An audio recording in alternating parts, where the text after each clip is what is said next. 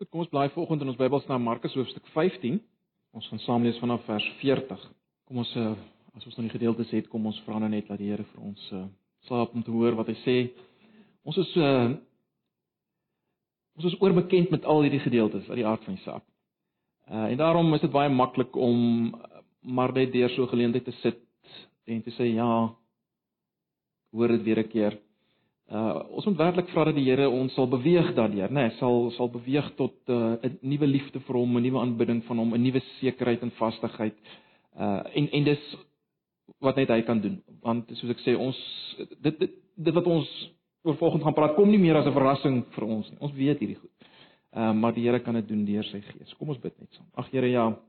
Ons kom na U toe en ons ons vra dat U vir ons hierdie bekende woord sal lewend maak deur die Gees, asseblief. En dat U dit sal gebruik in ons lewens tot U eer, tot U verheerliking, tot U lof. Asseblief, Here. Ons is afhanklik van U vir alles wat ver oggend hier gaan gebeur, vir die prediking, vir die luister, vir die ontvang. Uiteindelik vir die lewe in die lig van hierdie waarheid is ons afhanklik van U. En ons kom pleit dit van U. Ons kom vra vir U, Here, asseblief, gebruik U woord, gebruik U Gees in ons lewens, ten spyte van wie ons is in onsself. Grond van U genade in Jesus aan ons. Asseblief. Ons vra dit in U naam alleen. Amen. Goed, Markus hoofstuk 15, kom ons lees vanaf vers 40.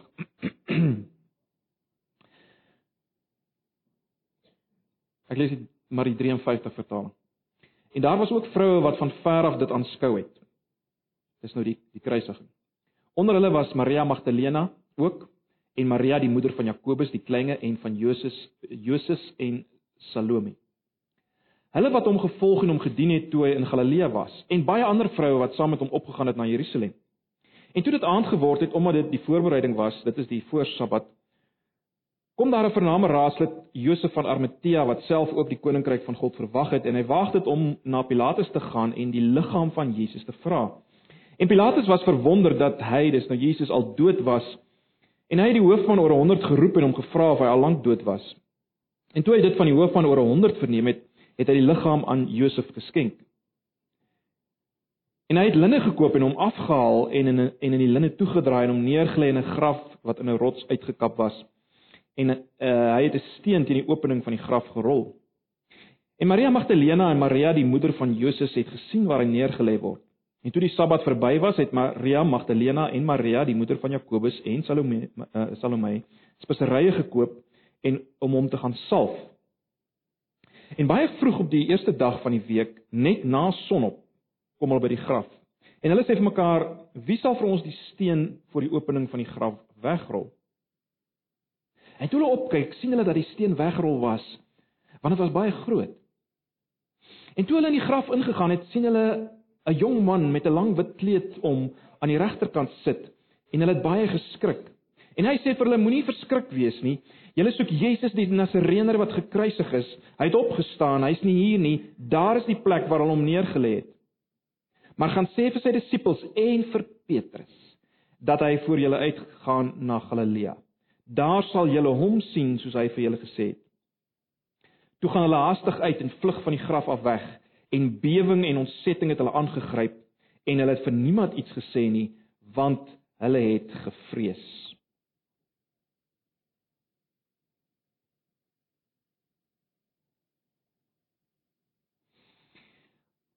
Ons weet almal dat dit juis na die donker van die nag is dat uh die dagbreek iets wonderlik is, né? Nee.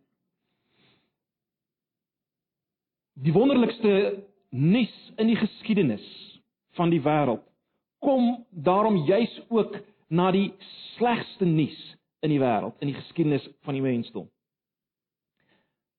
Die grootste verrassing in die geskiedenis van die mensdom kom juis na die grootste teleurstelling in die geskiedenis van die mensdom. En is hierdie slegte nuus en goeie nuus hierdie teleurstelling en verrassing uh, wat Markus vir ons natuurlik opteken in hoofstuk 14 tot 16 van die boek wat hy geskryf het wat julle nou teen hierdie tyd weet, uh, wat hy geskryf het vir Christene in Rome, Christene wat vervolg is, wreed vervolg is vir hulle geloof. Hy skryf dit vir hulle. En hy gebruik die historiese gebeure rondom die lewe van Jesus van Nasaret om hulle te bemoedig en te versterk binne hulle situasie.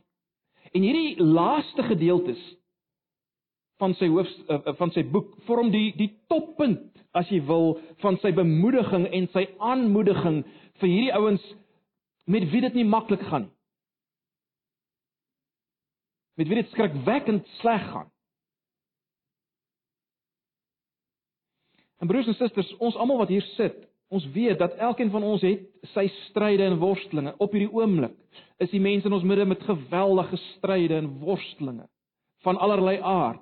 Ons sit in 'n land met allerlei uitdagings. En daarom dit wat ons vanoggend gaan hoor, hierdie boodskap wat Markus onder leiding van die Heilige Gees en daarom kan ons sê dis die Here self wat vir ons dit wil gee. Hierdie boodskap van bemoediging uh en versterking. Wel daar's geen beter boodskap van bemoediging en versterking vir ons vanoggend as jy's dit nie. Maar natuurlik is daar ook geen geen groter uitdaging as om nou te leef in die lig van hierdie bemoediging en versterking wat ons vanoggend uh, weer eens gaan hoor. So kom ons kyk na hierdie gedeelte. Ek gaan ek gaan kyk na die gedeelte onder 'n paar opskrifte. En en die eerste opskrif wat julle miskien gaan snaaks vind omdat ons eintlik wil fokus op die opstanding, maar die eerste opskrif waaronder ek wil hê ons moet kyk na die gedeelte is dit: die grootste tragedie ooit. Die grootste tragedie ooit. Jy sien ons beweeg so maklik oor hierdie gedeeltes. Uh dit is so maklik om om te vinnig te beweeg, om te vinnig te beweeg oor die oor die kruisiging en en wat werklik daar gebeur het. Want as ons te vinnig daaroor beweeg dan dan verloor die opstanding sy impak en sy verrassing en sy wonder. Die goeie nuus kan net werklik goeie nuus wees na die slegte nuus. En daarom wil ek hê ons moet vanoggend tog weer vir 'n oomblik Ek weet ons het Vrydag stil gestaan by die kruisiging, maar ek wil hê ons moet vir 'n oomblik net eers weer daar halt as te ware. En ons moet selfs nie nou dink aan dit waarna ons geraak het Vrydag, die wonder van vergifnis en uh genesing en herstel wat die kruisiging bring nie. Ons ek wil hê ons moet dink net vir 'n oomblik aan die situasie nadat Jesus gekruisig is. Daar was sprake van niks nie. En ek wil hê ons moet net daai situasie weer aanvoel of probeer aanvoel vanoggend. Wat het werklik daar gebeur? Wel, as ons glo wat Jesus oor homself gesê het in Markus se evangelie tot op hierdie punt, maar natuurlik ook in die ander evangelies en spesifiek ook in in Johannes evangelie, as ons dink aan wat Jesus oor homself sê. As hy sê ek en die Vader is een. Wie my gesien het, het die Vader gesien en so meer. As ons daaraan dink, wel dan moet ons sê wat ons kry in hoofstuk 14 tot 16, veral hoofstuk 14 en 15 van Markus, wat ons hier kry is dit wat die mens aan God doen. As ons in gedagte hou wat Jesus van homself sê, dan moet ons sê ons kry hier wat die mens, mense soos ek en jy aan God doen. En ons moet sê wat ons hier kry is die grootste oorwinning van die bose oor God. Die grootste oorwinning van die duisternis oor die lig. Dis wat ons kry in die gebeure voor hoofstuk 16. As ons net daaraan dink, dink vir 'n oomblik daaraan, die mens wat God skep, uit liefde skep om in 'n verhouding met hom te leef, in 'n verhouding met hom as God te leef en 'n verhouding met mekaar te leef en die aarde te vul en alles te doen tot sy eer en sy lof. Die mens wat God daarvoor geskep het, daardie selfe mens verwerp God in die tuin van Eden. Dis wat ons in Genesis kry en ons het ook daarna gekyk. Maar baie belangrik, as hierdie God as hierdie God mens word, dan verloon, verraai en kruisig daardie selfe mens vir God. Broers en susters, dis wat ons hier kry. Ons kan nie af van wegkom. Dis wat ons hier kry. En let wel, hy verraai God weer in 'n tuin. Hy verraai God weer in 'n tuin en uiteindelik kruisig hy God buite die stad op die plek van die kopbeen. Want Jesus is God, God die Seun, ja, maar hy's God, God die Seun. Hy en die Vader is een. Wie hom gesien het, het die Vader gesien. Hy sê dit self. Deur hom het alles ontstaan. Hy is die Skepper. So ons moet sê, as dit so is, dan was hierdie oomblik van kruisiging die oomblik van die grootste oorwinning van die bose oor die duisternis. En en en Markus wil vir ons iets daarvan uitlig as hy as hy vir ons uh uh neerskryf dat dat daar 3 uur van duisternis gekom het oor die hele aarde. 3 uur van duisternis. Lees dit in uh in vers 33. En toe dit die 6ste uur was, kom daar 'n duisternis oor die hele aarde tot die 9de uur toe. 3 ure van duisternis.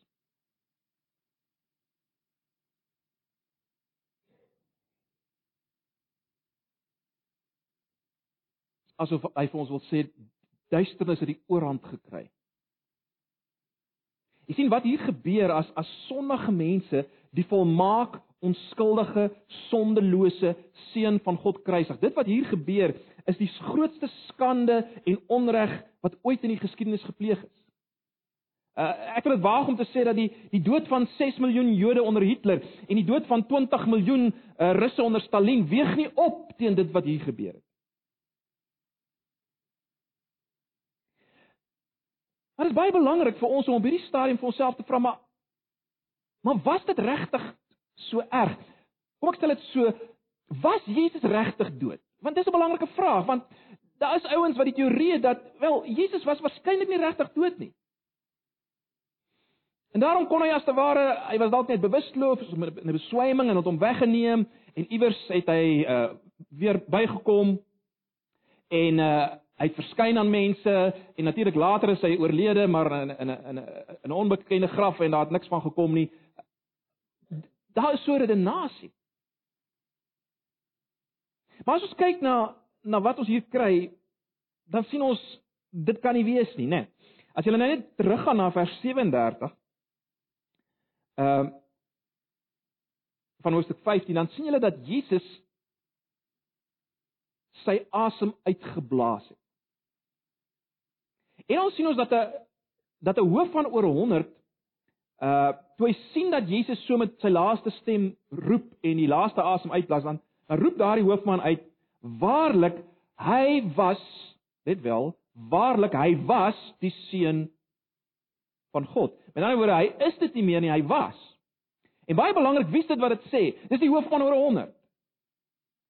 Nou ons moet verstaan dat hierdie Romeinse soldate het baie baie te doen gehad met die dood. Baie meer te doen gehad met die dood as wat ek en jy met die dood te doen. As jy 'n hoofman geword het, was jy per definisie al iemand wat redelik baie ouens met die swaard dood gemaak het.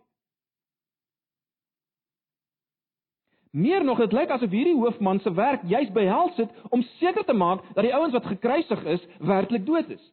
As daar nog 'n swempie van lewe was in iemand, dan het hy 'n swaard gevat en dit deur die ou se hart gesteek en seker gemaak hy's dood. Want jy sien as die ou nie dood was nie, dan dan hy moeilikheid gekry dan dan hy waarskynlik doodgemaak. So hy moes baie seker wees dat iemand wat gekruisig is dood is. Hulle het geweet hoe lyk die dood, hulle het geweet wanneer iemand dood is. Ons sien ook dat nadat Josef van Arimatea die liggaam van Jesus gaan vra het vir Pilatus, uh is Pilatus al ver, is hy's hy's verbaas dat Jesus al dood is. En dan vra hy die hoofman oor 100, "Wel, hoe is dit so?" En dan bevestig die hoofman oor 100 dit in vers 44. En Pilatus let wel aanvaar die uitspraak van die hoofman in vers 45. En weer eens, die hoofman sou nie waag om uh so iets te sê as dit nie so was nie. So wat sê dit vir ons? Ons moet dit vat dat Jesus die seun van God as mens was dood. Werklik dood. En op daai oomblikke was alles een groot teleurstelling, een groot mislukking. Hy het vir 3 jaar op aarde gepreek en genees. Nou sy vol, nou sy verlaat deur al sy mense. Hy's verloon deur Petrus, hy's verraai deur Judas. Sy eie familie het nie eers in hom geglo nie, let wel. Alles het daarop gedui dat hy maar net een van die baie Messias figure was wat in daai tyd verskyn het. Ehm uh, klomp mense rondom hom versamel het en dan verdwyn hulle maar net weer van die toneel. As Markus 15 die laaste hoofstuk was, sou Jesus van Nasaret se hele bestaan niks meer as maar net 'n voetnota om dit so te stel in die geskiedenis wees nie. Miskien sou daar iewers 'n lyntjie of twee in een of ander antieke geskrif oor hom wees, maar dis dit. En dis die situasie, ons moet dit verstaan. God die seun was dood. Hy was weg.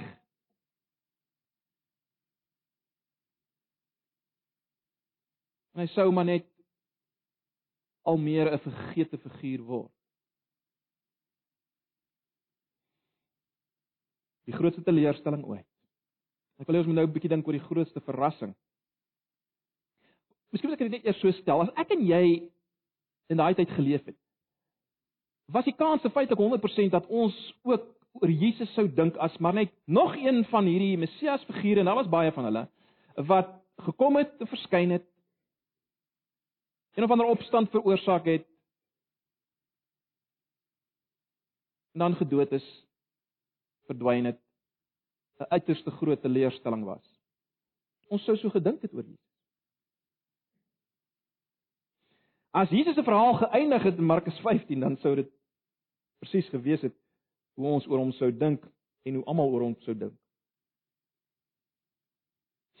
Ons moet in gedagte hou dat Jesus vir sy volgelinge in Markus 10 vers 33 tot 34 die volgende gesê het. Hy het gesê: "Kyk, Ons gaan nou Jerusalem toe. Daar sal die seun van die mens aan die priesterhoofde en skrifgeleerders oorgelewer word en hulle sal hom tot die dood veroordeel en hom aan die heidene uitlewer. Die sal met hom spot en op hom spoeg en hom slaan en hom doodmaak.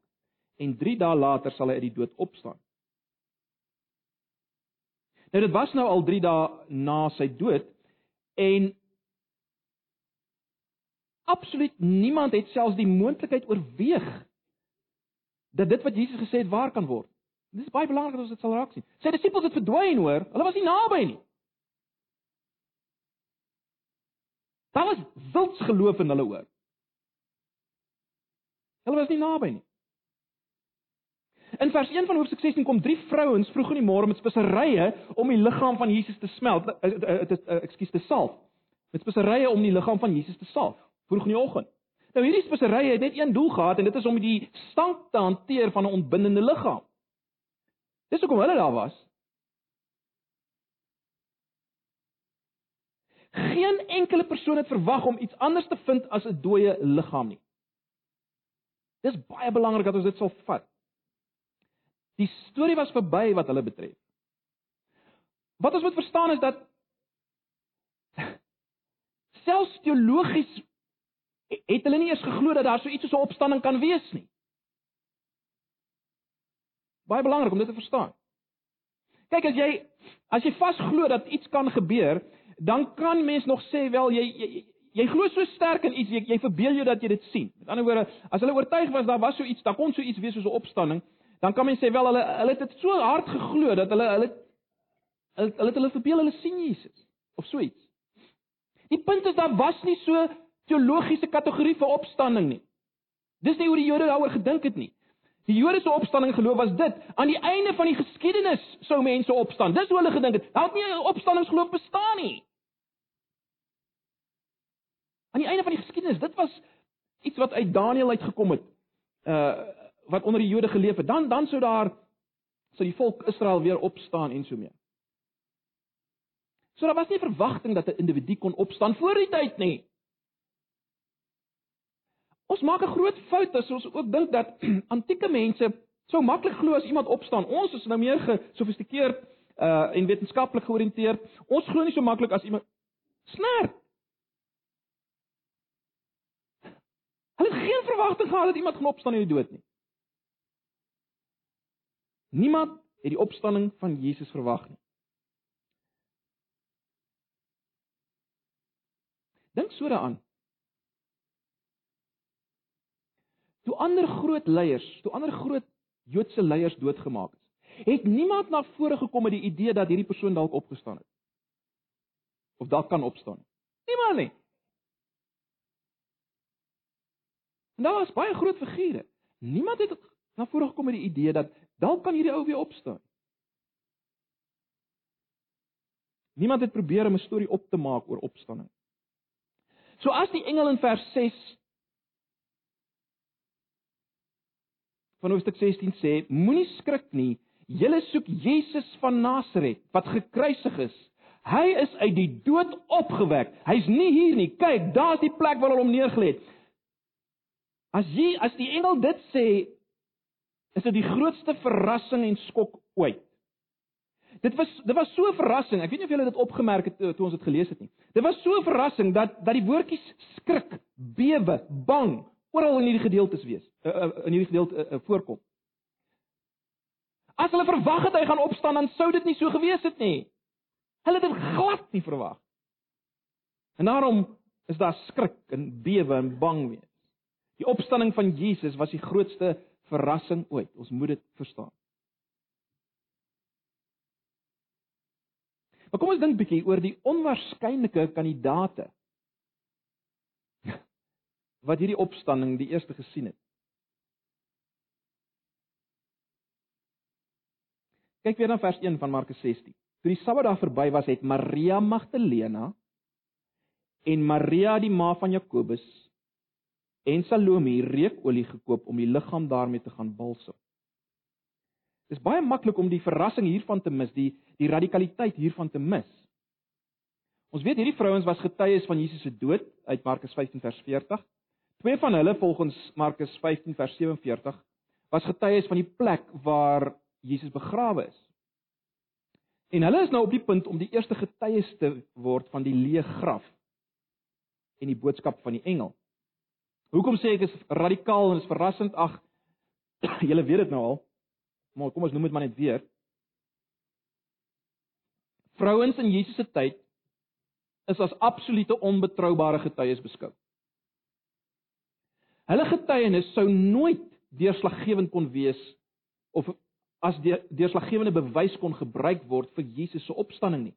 So die punt is as jy 'n storie wou fabriseer oor 'n opstanding wat nie werklik plaasgevind het nie, dan sou jy in jou storie verseker nie die eerste mense wat hierdie Jesus sien opstaan het, vrouens laat wees nie. Ek bedoel, jou storie gaan net eenvoudig verwerp word.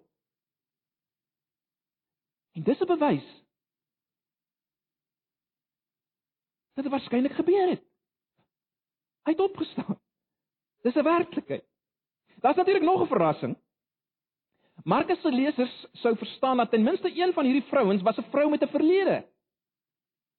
Sy was 'n vrou met 'n verlede as jy wil, Maria Magdalena. Sy was iemand wat van die duiwel besete was. Ons lees daarvan byvoorbeeld in Lukas 8 vers 2. So ten minste een van hulle het 'n geskiedenis gehad. En ons moet dit raak sien. Ons moet raak sien hoe die opstanding dinge omkeer. Mense wat uitgesluit is en eenkant gedruk gedruk is, is die eerste getuies van die opstanding. Dit sê vir ons die opstanding is vir sulkes. Ons sal net nou weer iets daaroor sê. Met ander woorde, die mees onwaarskynlike mense word deel van die van die Paas uh, Paasverhaal, die Paasgebeure, die mees onwaarskynlike mense. En let ook op, hulle was nie onmiddellik perfekte opstanding getuies nie, wat natuurlik nog 'n bewys is dat ons besig is met realiteit, die waarheid en nie 'n opgemaakte storie nie. Hulle was nie onmiddellik perfekte getuies nie. Uh as hulle die graf hierdie graf wat so in die rotswand uitgekap is, as hulle hierdie graf ingaan, dan sit daar 'n jong man. En hy kondig die opstanding van Jesus aan. En hy sê vir hulle om dit vir die disippels te gaan vertel, maar wat sien ons dan? In vers Hulle het uit die graf uitgegaan en weggehardloop. Terwyl hulle gebewe het van skrik. Hulle het vir niemand anders iets daarvan gesê nie want hulle was bang. so hulle was nie die perfekte opstanding getuies. Ooh, ons het Jesus gesien opstaan. Nou gaan ons vir almal vertel hy het opgestaan. Nee, hulle het weggehardloop. Hulle was bang oor dit wat hier gebeur het. Hulle was nie lekker seker wat wat gaan hier aan nie. mees onwaarskynlik is word deel van die opstanding gebeur. Kom ons dink aan die disippels. Kyk na vers 7 van hoofstuk 16. Die engel sê vir die die engel vir die mans wat wat waarskynlik maar 'n engel is sê vir die vrouens, maar gaan sê vir sy disippels en in die besonder vir Petrus. Baie interessant. En in die besonder vir Petrus, hy gaan julle vooruit na Galilea toe. Daar sal julle hom sien soos hy vir julle gesê het. Nou ons weet voor Jesus verraai is dat hy vir sy disippels gesê in in Markus 14, 27 en 28, julle sal almal aan my afvallig word. Daar staan immers geskrywe ek sal die herder doodmaak en die skape sal uitmekaar gejaag word maar nadat ek uit die dood opgewek is, sal ek julle vooruitgaan na Galilea toe. Kyk, ons moet verstaan, die disippels het totaal en al droog gemaak. Daar's nie 'n beter woord wat ons kan gebruik nie. Jesus het oor en oor vir hulle vertel wat gaan gebeur, maar hulle het dit eenvoudig nie gevat nie. Toe daai bietjie druk kom, toe vlug hulle. En natuurlik die die mees dramatiese mislukking is Petrus. Die mees dramatiese mislukking is Petrus.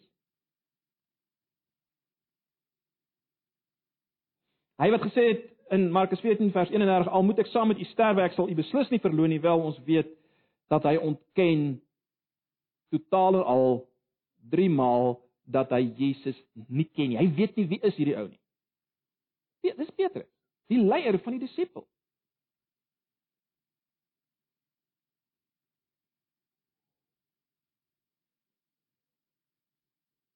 En sien julle vers 7? Is daar nie geweldige genade in vers 7 nie? van hoofstuk 16. Maar gaan sê vir sy disippels en in die besonder vir Petrus. Gaan sê vir sy disippels en in die besonder vir Petrus, hierdie hierdie absolute droogmaker, hierdie ou wat gesê het hy ken my nie.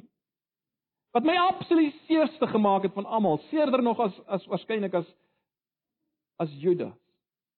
Gaan sê vir hom. Jy sien Die opgestane Jesus het Petrus nie afgeskryf nie.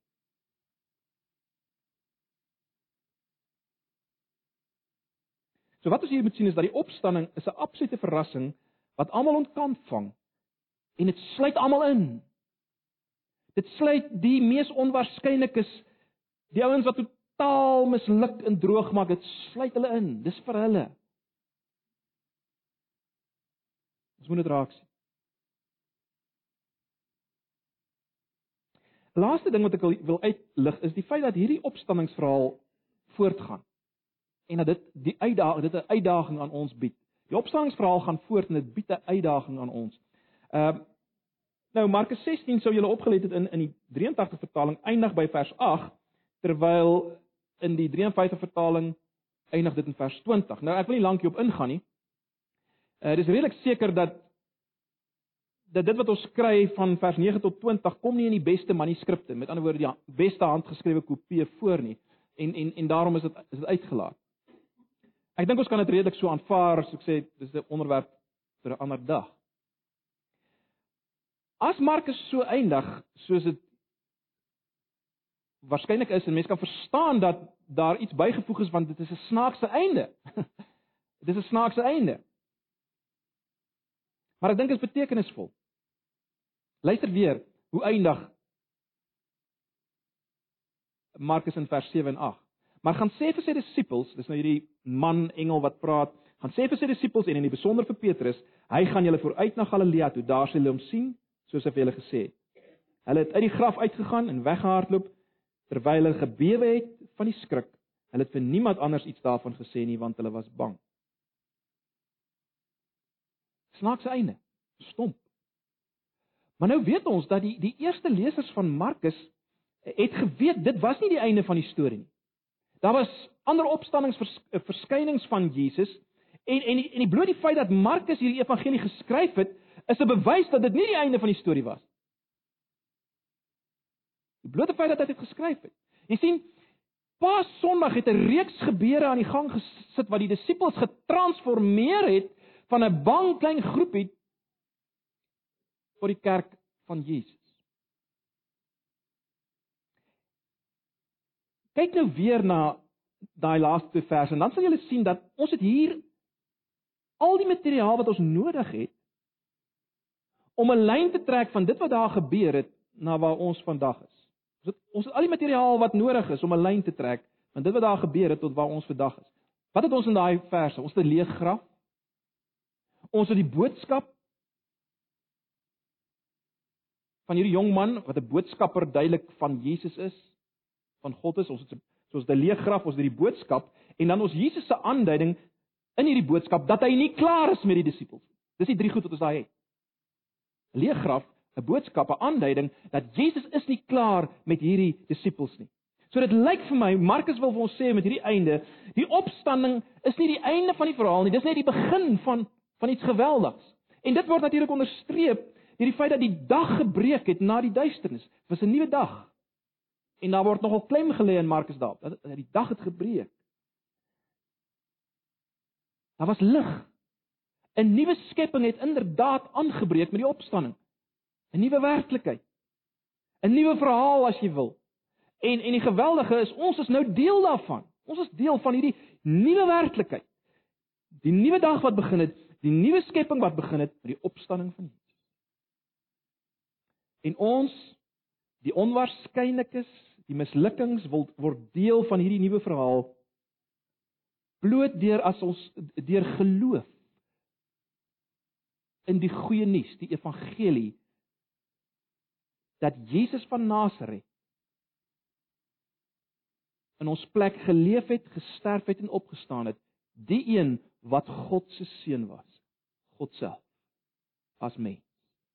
As ons dit glo, as ons dit vat, as ons dit omhels, dan word ons deel. Ons wat die onwaarskynlikste is, ons wat mislukkings is, ons wat droogmakers is. Ons word deel hiervan, van hierdie nuwe verhaal, van hierdie nuwe skepping. Dis wat hierdie gedeelte vir ons sê.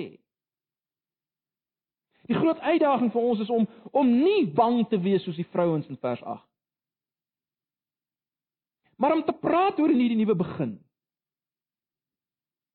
Om te leef in die lig van hierdie nuwe begin. Dis die groot uitdaging. Maar goed, kom ons sluit af met 'n paar uh opmerkings wat ek wil maak oor die as jy wil die voortgaande boodskap vir ons en vir die wêreld wat ons wat hier lê. Die voortgaande boodskap wat begin het met die opstanding en wat wat steeds die boodskap is wat ons moet uitdra. Ek lig net 'n paar dinge uit. In die eerste plek Broers en susters, ons weet dit, maar ek wil dit weer herhaal. Ons kan met vrymoedigheid weet en verkondig Jesus het opgestaan. Ons hoef nie half skaam te wees daarvoor en half te dink dit is bietjie ver gevat nie. Die opstanding is die sekerlik die gebeurtenis in die geskiedenis wat wat die beste bevestig is in die storie in in, in ek praat van geskiedenis antieke geskiedenis antieke geskiedenis dis van die sekerlik die gebeure in die antieke geskiedenis wat die beste bevestig is Jesus leef op hierdie oomblik Ag daar's baie bewyse jy sal weet mens kan baie maak oor bewyse vir die opstanding. Sekerlik die sterkste bewys is bloot dit. Hierdie lafhartige bang verlonende disippels het verander in julle weet onverskrokke getuies na Jesus se opstanding juis oor hierdie Jesus wat gesterf en opgestaan het. Hulle is doodgemaak daarvoor. Feitelik al die disippels en vroeë Christenleiers het hulle lewens verloor as gevolg van getuienis oor die sterwe en opstanding van Jesus.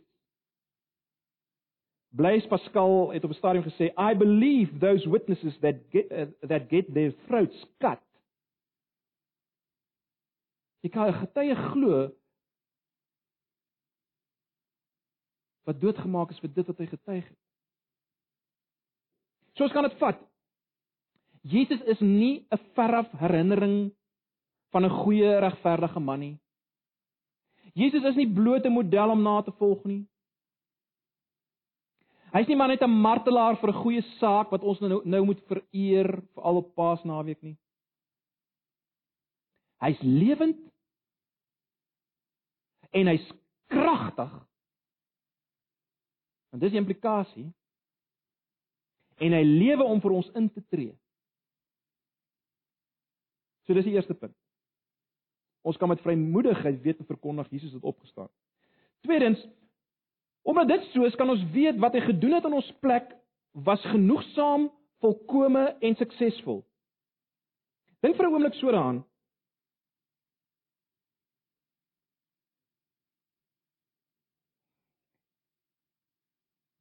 As die sonde van die wêreld op Jesus gelaai is in daai oomblik soos ons Vrydag gesien het, toe hy gesterf het. Maar dit wat hy dit wat hy gedoen het, was nie volkome en genoegsaam vir God nie. Kom ons sê daar was een iets in jou lewe wat wat nie vergewe kon word in daai oomblikke. Wat nie vergewe kon word. Die vraag is sou God Jesus kon opwek sonder om hom as te ware as jy wil teen sy eie woord in te gaan. Sonder om sy eie regverdigheid te verloon. Nee. Broers en susters, as Jesus opstaan, dan sê dit vir ons, ons het ek het Vrydag daarna verwys, die woorde in Johannes 19 vers 30. Dit is volbring. Dit is volbring. Alles is gedoen wat nodig is om mense vry, volkome, heel voor God te stel. Sonnige, gebroke, lafhartige mense soos ek en jy. Alles is gedoen. Die opstanding sê dit. Ons kan dit aanvaar. Romeine 4 vers 25 sê hy is vanweë ons oortredings oorgelewer en hy is opgewek sodat ons vrygespreek kan word.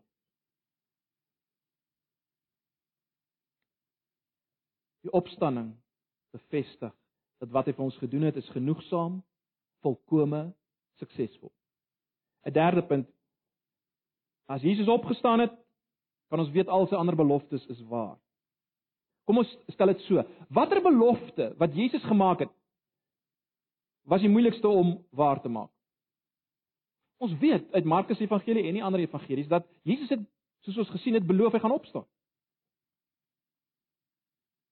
Dit is die moeilikste belofte om waar te maak. So as dit waar geword het, dan kan ons weet sy ander beloftes kan uh, uh, uh, kan hy waar maak. Sy belofte van soek eers die koninkryk van God en sy geregtigheid en al die ander dinge sal vir julle bygevoeg word. Hy gaan dit waar maak. Hy sal dit waar maak. Hy kan dit waar maak. Al sy ander beloftes kan hy waar maak. En vir al die belofte dat hy ons gaan opwek op die laaste dag. Ons kan dit weet.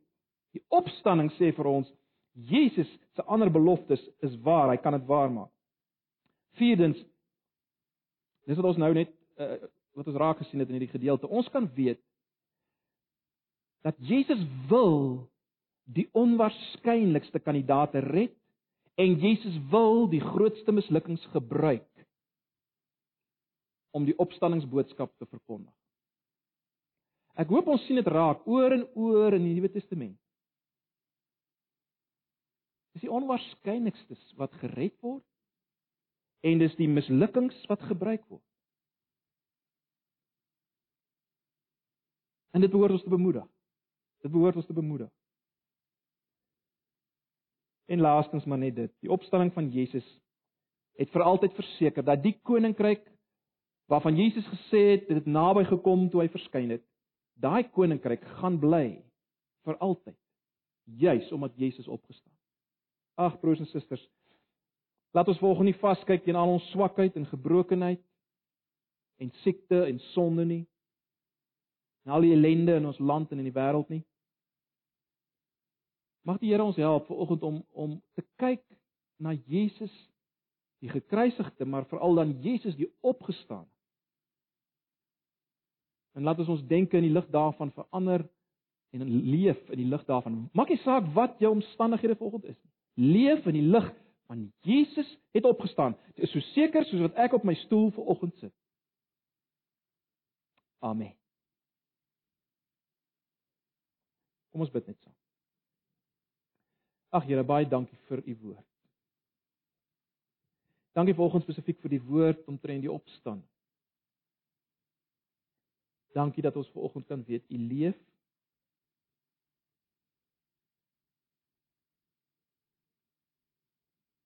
En dankie dat ons kan weet die tree in vir ons ons die onwaarskynlikes, die banges, die ontroues. Ons wat maar net wil vashou aan aan U alleen. Ag Here, U weet ons ons voel baie keer ons kan nie eers vashou nie. Ons is is swak. En dankie dat ons kan weet U het juis gekom vir sulke soos ons. Wat weet daar's niks in ons nie. Alles is in U. En ons wil ons hoop vestig op U en U alleen weer in hierdie oggend. Dankie vir wat U vir ons gedoen het. Dankie dat ons weet alles wat gebeur het.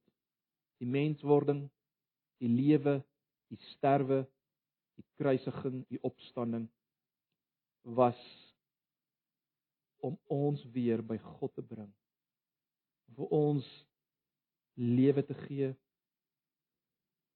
om 'n nuwe skepping te verseker. Ag Here, help ons om hierdie dinge vir onsself te preek en dit te vat. Ook in weer eens in die lig van vanoggend se boodskap. Asseblief mag die genade van ons Here Jesus, Jesus wat opgestaan het en die liefde van God, die God wat hom opgewek het, in die gemeenskap van die Heilige Gees wat nou by ons is, by julle wees en bly ook in hierdie week en die res van hierdie Paasvakansietjie totdat ons ook weer saam is. Amen. Gemeente kom ons staan. Sing hierdie laaste lied van die sekerheid, die vastigheid dat die Here het opgestaan en dat dit nie net 'n lied sal bly nie, maar dat dit 'n lewenswyse sal wees.